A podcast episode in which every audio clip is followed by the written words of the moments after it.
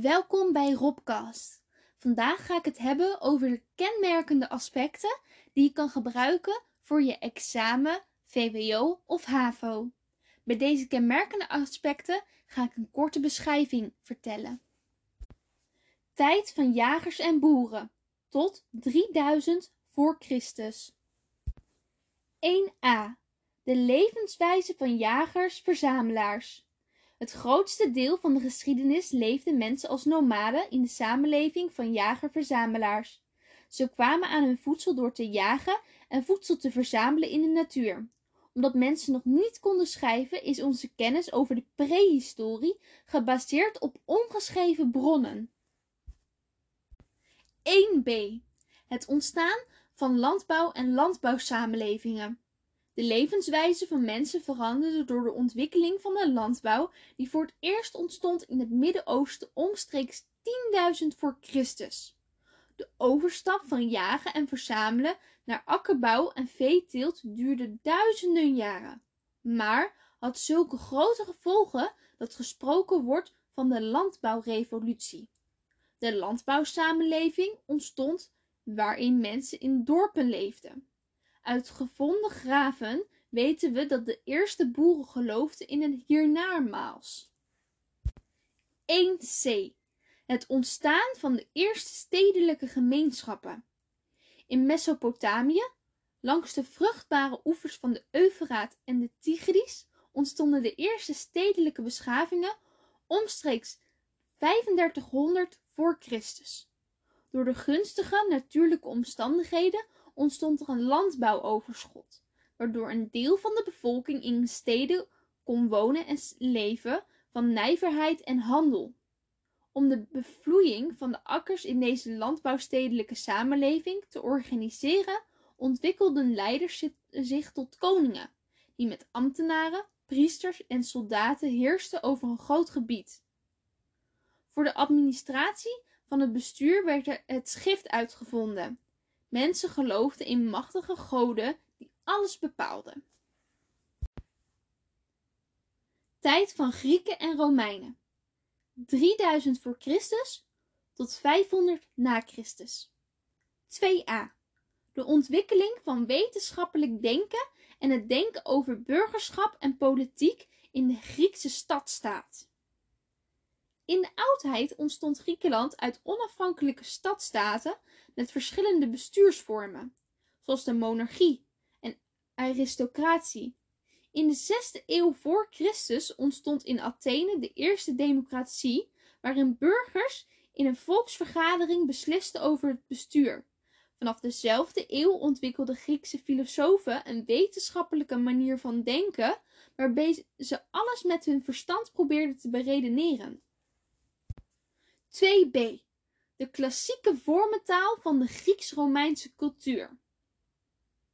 In de vijfde en vierde eeuw voor Christus ontwikkelden de Grieken hun bouwkunst en beeldhouwkunst tot op een hoog niveau. Na de verovering van Griekenland namen de Romeinen de Griekse vormentaal over en voegden er hun eigen elementen aan toe. Deze Grieks-Romeinse mengcultuur wordt klassiek genoemd vanwege de latere navolging. 2c. De groei van het Romeinse imperium waardoor de Grieks-Romeinse cultuur zich in Europa verspreidde. Met een lange reeks oorlogen breidden Romeinen hun stadstaat uit tot een wereldrijk rondom de Middellandse Zee. Het Romeinse Rijk was strak georganiseerd en stond vanaf de eerste eeuw voor Christus onder leiding van een machtige keizer. In het Rijk kwam een welvarende landbouwstedelijke samenleving tot ontwikkeling. Er was veel handel, ook met gebieden buiten het Rijk. In de veroverde gebieden verspreidden Romeinen de Grieks-Romeinse cultuur, roman, romanisering, romanisering. Er was ook invloed van lokale culturen op de Romeinse cultuur. 2D. De confrontatie tussen de Grieks-Romeinse cultuur en de Germaanse cultuur van Noordwest-Europa. Ten oosten van de Rijn stuitten de Romeinse legers op weerstand van strijdvaardige Germanen. Voor de bewaking van de Rijngrens gebruikten Romeinse soldaten van bevriende Germaanse stammen. Vanaf de derde eeuw viel het westelijke deel van het Romeinse Rijk uiteen. Steeds meer Germanen drongen het Rijk binnen en stichtten daar eigen staten, waarvan sommige duidelijk erfgenaam waren van de Grieks-Romeinse cultuur, terwijl in andere het Germaanse element dominanter was. In 476 werd de laatste West-Romeinse keizer door de Germanen afgezet. Het Oost-Romeinse Rijk bleef bestaan. 2e. De ontwikkeling van het Jodendom en het Christendom als de eerste monotheïstische godsdiensten. Het Jodendom, de oudste monotheïstische godsdienst, kwam in Israël Palestina tot ontwikkeling. Nadat de Romeinen het gebied hadden veroverd, ontstond uit het Jodendom in de eerste eeuw het Christendom, dat over het Romeinse Rijk werd verspreid. Omdat christenen weigerden om de Romeinse keizer als God te vereren, werden ze van tijd tot tijd vervolgd.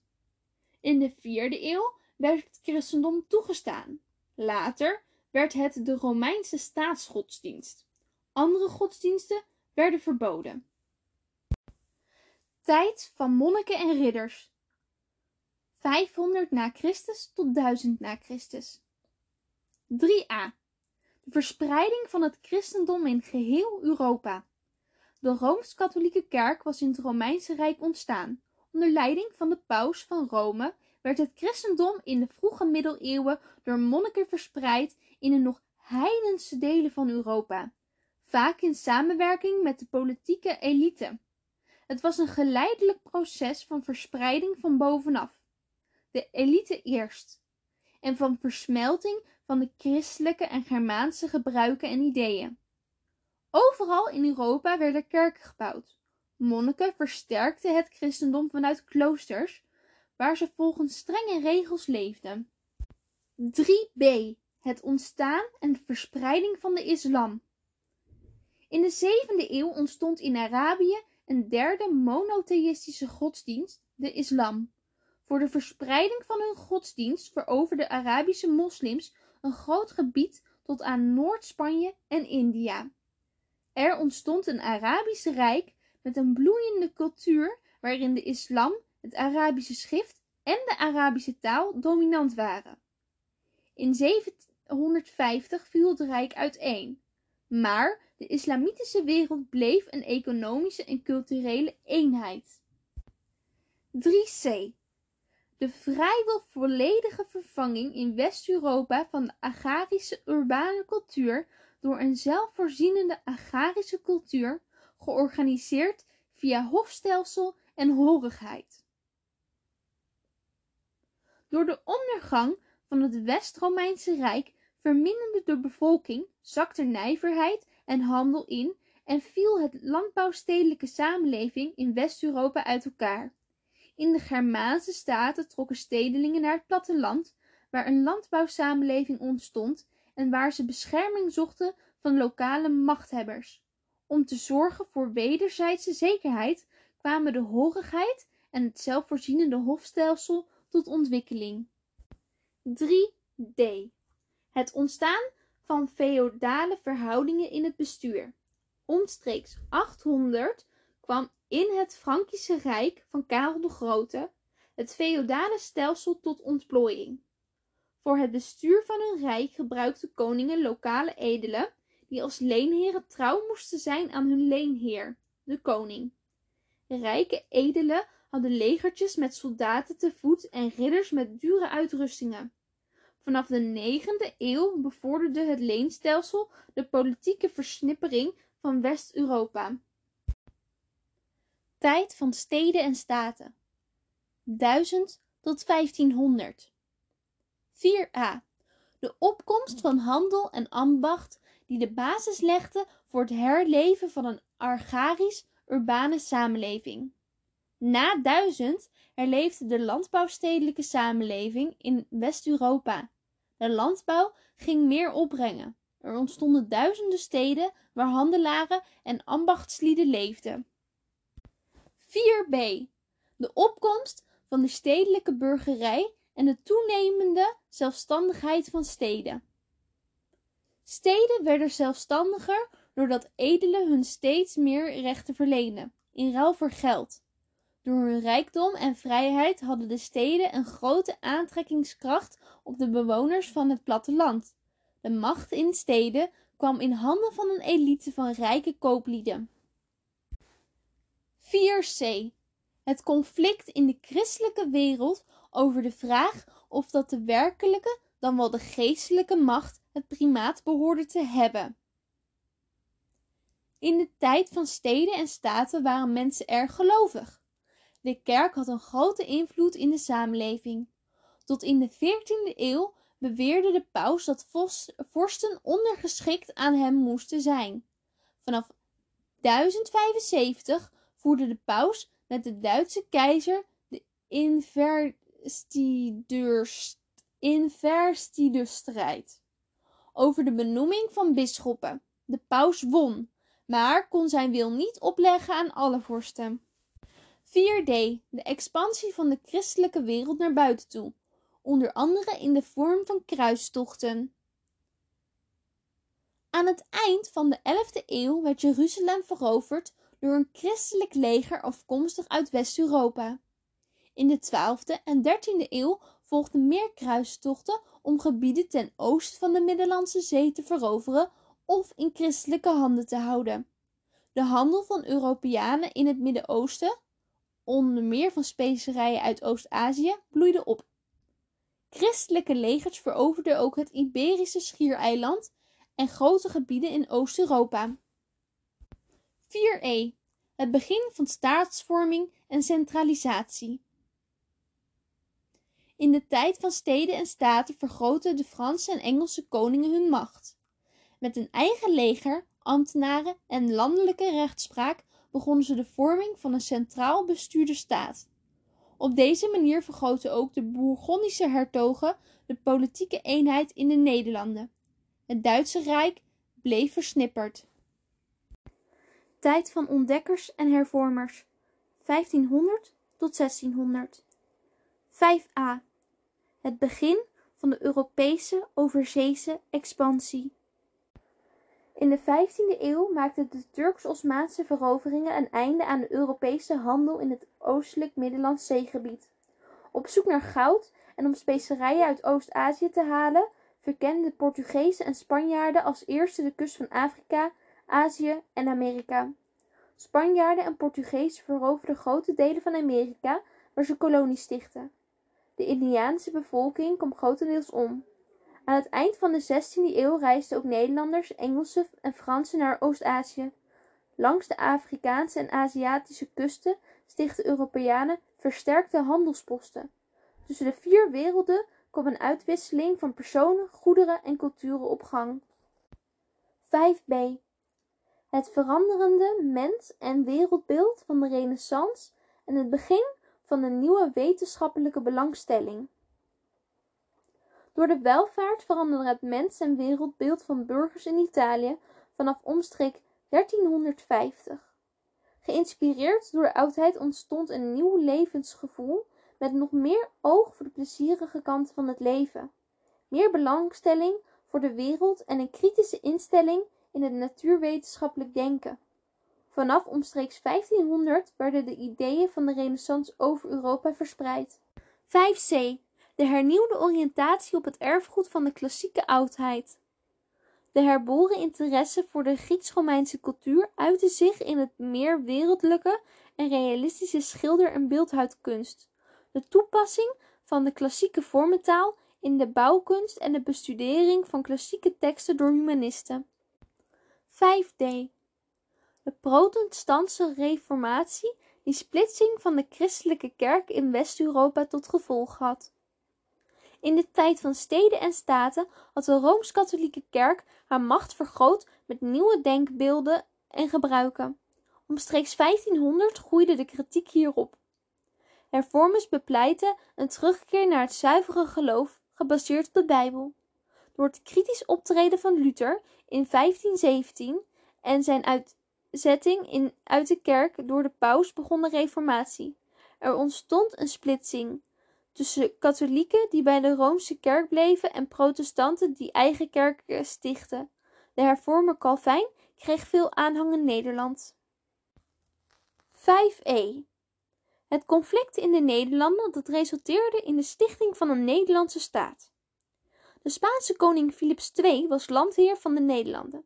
In 1568 kwamen Nederlanders onder leiding van Willem van Oranje in opstand tegen Philips vanwege zijn centralisatiepolitiek en zijn felle vervolging van protestanten. Gedurende de opstand, 80-jarige oorlog, breidden de opstandelingen hun grondgebied uit vanaf het westen van Holland en Zeeland tot vrijwel het huidige grondgebied van Nederland. In 1581 zette de Staten-Generaal van de zeven opstandige gewesten Philips af als landheer. In 1588 vormden ze de Republiek der Verenigde Nederlanden. In 1648 sloten de Republiek en Spanje de Vrede van Münster. Tijd van regenten en vorsten 1600 tot 1700. 6a. Het streven van vorsten naar absolute macht. In de 17e eeuw streden Europese vorsten met hun onderdanen om de verdeling van de macht. Veel vorsten streefden naar absolute macht. In Frankrijk ontstond een absolute monarchie, terwijl Engeland een constitutionele monarchie werd. 6b. Die bijzondere plaats in staatkundig opzicht en de bloei in economisch en cultureel opzicht van de Nederlandse Republiek. De Republiek der Zeven Verenigde Nederlanden was een van de weinige republieken in Europa. De republiek bestond uit zeven zelfstandige gewesten en later veroverde gebieden, die door de Staten-Generaal werden bestuurd. Naar buiten toe trad de republiek op als een eenheid. De macht was in de hand van de regenten, die een groot deel werden benoemd uit de rijke stedelijke burgerij. De 17e eeuw was voor Nederland een gouden eeuw, een tijd van grote economische voorspoed en bloei van kunst en wetenschap. 6c. Wereldwijde handelscontacten, handelskapitalisme en het begin van een wereldeconomie. In de 17e eeuw kwam het handelskapitalisme tot bloei en ontstonden wereldwijde handelsnetwerken. In de groeiende wereldeconomie speelde de Verenigde Oost-Indische Compagnie een hoofdrol. De West-Indische Compagnie was actief in gebieden rond de Atlantische Oceaan. 6d. De wetenschappelijke revolutie. In de 17e eeuw leidde een nieuwe onderzoekende houding tot de wetenschappelijke revolutie. In de exacte wetenschappen kwamen theorieën en wetten tot stand op grond van redeneren, waarnemen en experimenteren. Bij de Europese expansie en in oorlogsvoering werden veel nieuwe ontdekkingen en uitvindingen toegepast. Tijd van pruiken en revoluties van 1700 tot 1800. 7a. Rationeel optimisme en verlicht denken dat werd toegepast op alle terreinen van een samenleving: godsdienst, politiek, economie en sociale verhoudingen. De wetenschappelijke revolutie in westerse landen leidde in de 18e eeuw tot een groot optimisme over de mogelijkheid om met behulp van het verstand alles te begrijpen en te verbeteren. Verlichte denkers ontwikkelden nieuwe, vaak revolutionaire ideeën op het terrein van godsdienst, politiek, economie en samenleving. 7b. Voortbestaan van het ancien regime met pogingen om het vorstelijk bestuur op eigentijdse verlichte wijze vorm te geven. Verlicht absolutisme. Uit de middeleeuwen stamde standenmaatschappij, bleef in Europese landen bestaan tot het einde van de 18e eeuw. In een aantal landen hielden koningen vast aan het absoluut koningschap. Onder invloed van de verlichting voerden vorsten in andere landen hervormingen door. 7c. Uitbouw van de Europese overheersing, met name in de vorm van plantagekolonies en de daarmee verbonden transatlantische slavenhandel en de opkomst van het abolitionisme. Vanaf de 16e eeuw vergroten Europeanen hun kolonies in Amerika en legden ze er plantages aan die produceerden voor de Europese markt. Voor het zware plantagewerk haalden ze miljoenen zwarte slaven uit Afrika. Door de verlichting ontstond in westerse landen hier discussie over.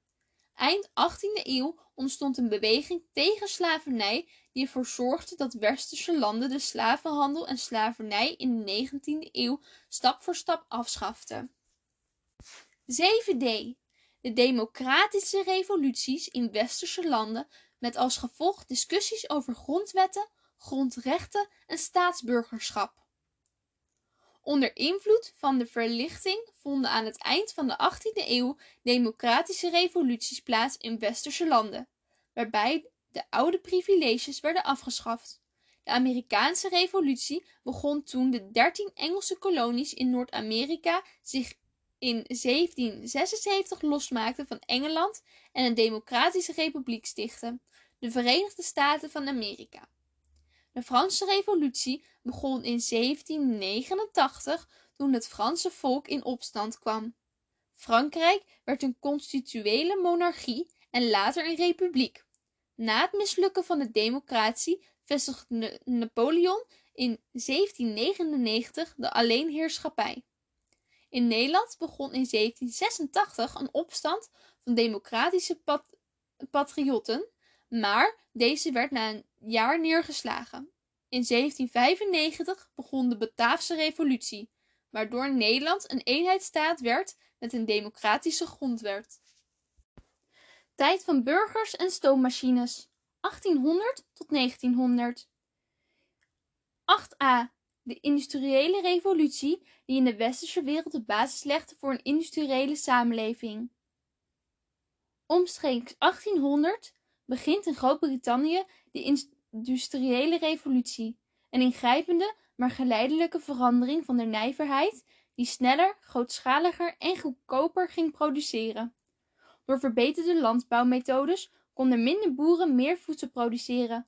Door de technologische vooruitgang werden ook de vervoersmogelijkheden ingrijpend verbeterd. Er ontstond een industriële samenleving waarin meer dan de helft van de bevolking in de steden, steden woonde en waarin industrie en diensten de belangrijkste beroepssectoren werden. De industrialisatie verspreidde zich in de tweede helft van de 19e eeuw naar andere Europese landen, de VS en Japan, en in de 20e eeuw naar de rest van de wereld. 8b. Discussies over de sociale kwestie. De industrialisatie leidde tot het ontstaan van de sociale kwestie, de slechte werk- en leefomstandigheden van de arbeiders. In het maatschappelijk debat hierover kwamen verschillende opvattingen over oorzaken en mogelijke oplossingen naar voren, variërend van niets doen tot ingrijpen door de overheid. Arbeiders richten vakbonden op om gezamenlijk met werkgevers te onderhandelen over arbeidsvoorwaarden. 8c. De moderne vorm van imperialisme die verband hield met de industrialisatie. Door de industriële revolutie hadden de Europese landen grote behoefte aan grondstoffen en afzetmarkten en waren ze militair superieur. In de 19e eeuw veroverden ze ook grote gebieden in Afrika en Azië waar ze kolonies stichtten. Ook het Chinese keizerrijk verloor een deel van zijn onafhankelijkheid aan koloniale mogelijkheden. 8d. De opkomst van emancipatiebewegingen. In de tweede helft van de 19e eeuw kwamen het confessionalisme en het feminisme op. Het waren emancipatiebewegingen die een eind wilden maken aan de achterstelling van hun aanhangers, katholieken, protestanten en vrouwen. Belangrijke resultaten van deze bewegingen waren de invoering van gelijke financiering van openbare en bijzondere scholen in 1917 en van het algemeen vrouwenkiesrecht in 1919. 8e. Voortschrijdende democratisering met deelname van steeds meer mannen en vrouwen aan het politieke proces. In de 19e eeuw nam bijna overal in Europa de volksinvloed toe, maar in sommige landen ging democratisering veel verder dan in andere. In Groot-Brittannië en Nederland slaagde de democratisering. In Duitsland mislukte deze. Vanaf 1815 had Nederland een constitutionele monarchie. In 1848 kwam er een parlementair stelsel waarna het beperkte mannenkiesrecht in stappen werd uitgebreid tot de invoering van algemeen mannenkiesrecht in 1917. Met de invoering van het algemeen vrouwenkiesrecht in 1919 werd Nederland een parlementaire democratie. 8f. De opkomst van politiek-maatschappelijke stromingen. liberalisme, nationalisme, socialisme, confessionalisme en feminisme. Vanaf 1815 ontstonden politieke stromingen als het liberalisme, nationalisme en socialisme, die zich verzetten tegen de conservatieve monarchieën. Door de opkomst van de burgerij en de arbeidsklasse groeide hun invloed. Tijd van de wereldoorlogen 1900 tot 1950 9a De rol van moderne propaganda en communicatiemiddelen en vormen van massaorganisatie. Door de verbeterde communicatiemiddelen in de industriële samenleving kwamen in het begin van de 20e eeuw massapropaganda en massaorganisaties tot ontwikkeling. In de totalitaire staten was de propaganda alomtegenwoordig en moest iedereen lid worden van massaorganisaties. 9b. Het in praktijk brengen van de totalitaire ideologieën, communisme en fascisme en nationaal socialisme. Na de Eerste Wereldoorlog werden de ideologieën van het communisme, fascisme en nationaal socialisme in praktijk gebracht in de Sovjet-Unie, Italië en Duitsland. In deze totalitaire staten wilde de overheid een totale controle van de maatschappij, inclusief het denken en doen van alle mensen. Kenmerkend voor het systeem waren brute onderdrukking en verheerlijking van de leider. 9c. De crisis van het wereldkapitalisme. De jaren 1920 waren een tijd van optimisme, bloeiend kapitalisme en een groeiende wereldeconomie. Maar in 1929 ontstond in de VS een economische crisis. Door de internationale economische banden liep deze in heel veel landen uit op een langdurige en diepe depressie met massale werkeloosheid en armoede. In een aantal landen reageerden regeringen op de crisis door te bezuinigen op hun uitgaven. Andere regeringen bestreden de crisis door in te grijpen in de economie, zoals met het geld scheppen van werkgelegenheid. 9d. Het voeren van twee wereldoorlogen. Oorzaken van de Eerste Wereldoorlog, die duurde van 1914 tot met 1918, waren het nationalisme, militarisme en de wapenwetloop in de voorafgaande jaren. Duitsland en Oostenrijk, de centrale genoemd, bestreden Groot-Brittannië, Frankrijk, Rusland en de VS, de geallieerden, door de langdurige loopgravenoorlog en het gebruik van moderne wapens kwamen 9 miljoen soldaten om. Bij de Vrede van Versailles werd Duitsland zwaar gestraft. Het verloor grondgebied en al zijn kolonies en kreeg hoge herstelbetalingen opgelegd. De Tweede Wereldoorlog, die duurde van 1939 tot 1945, werd in Europa veroorzaakt door Hitler, die de bepalingen van de Vrede van Versailles ongedaan wilde maken. Na de Duitse opmars en veroveringen in heel Europa werden de Duitse troepen teruggedrongen door de geallieerde legers van Groot-Brittannië, de Sovjet-Unie en de VS. Na de Japanse opmars en veroveringen in Azië werden de Japanse legers teruggedrongen door de VS. In de Tweede Wereldoorlog kwamen 27 miljoen soldaten om. 9e. Racisme en discriminatie die leidden tot genocide, in het bijzonder op de Joden. De nazi's hingen een nieuw racistisch antisemitisme aan. Ze wakkerden het eeuwenoude antisemitisme in Duitsland aan. Na de machtsovername van Hitler in 1933 werden Joden systematisch getreiterd en gediscrimineerd. Tijdens de Tweede Wereldoorlog besloten de nazi's om alle Joden in Europa te vermoorden. Joden werden verzameld in wijken en kampen en werden afgevoerd naar vernietigingskampen in Polen. Tijdens de Holocaust werden 6 miljoen Joden vermoord. Ook Roma en Sinti werden vervolgd en massaal vermoord. 9f. De Duitse bezetting van Nederland. Tijdens de Duitse bezetting van Nederland, die duurde van 1940 tot 1945, werd het leven onder de nazi-dictatuur steeds moeilijker. Van de Nederlanders collaboreerde een klein deel met de bezetters. Een klein deel kwam actief in verzet. De meeste Nederlanders pasten zich voortdurend aan aan de nieuwe omstandigheden.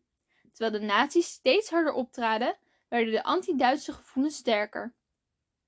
Van de, 16, van de 160.000 Joodse Nederlanders werden meer dan 100.000 door de nazi's vermoord.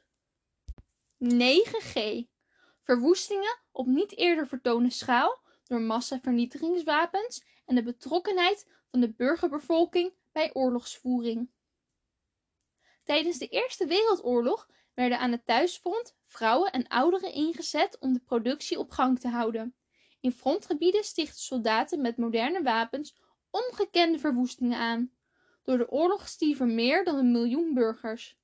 De Tweede Wereldoorlog was nog meer een totale oorlog dan de Eerste. Soldaten beginnen veel vreedheden en richten met massavernietigingswapens nog grotere verwoestingen aan. Door deze oorlog stierven 27 miljoen burgers. 9h. Vormen van verzet tegen het West-Europese imperialisme. In het interbellum groeide in kolonies in Azië verzet tegen het imperialisme, terwijl dit in Afrika nog nauwelijks voorkwam. Het nationalisme kwam op doordat inheemse jongeren Europees onderwijs kregen, waardoor ze westerse ideeën leerden kennen, en werden versterkt door de Eerste Wereldoorlog waarin Franse en Britse soldaten uit de kolonies nodig hadden. In Brits-Indië gaf de Britse regering de Indiërs rechten, maar de nationalisme onder leiding van Gandhi wilde onafhankelijkheid. Met hun non-coöperatie dwongen ze de Britten tot verdere onderhandelingen. Dit voorbeeld werd in Nederlands-Indië gevolgd door het nationalisme onder leiding van Sukarno.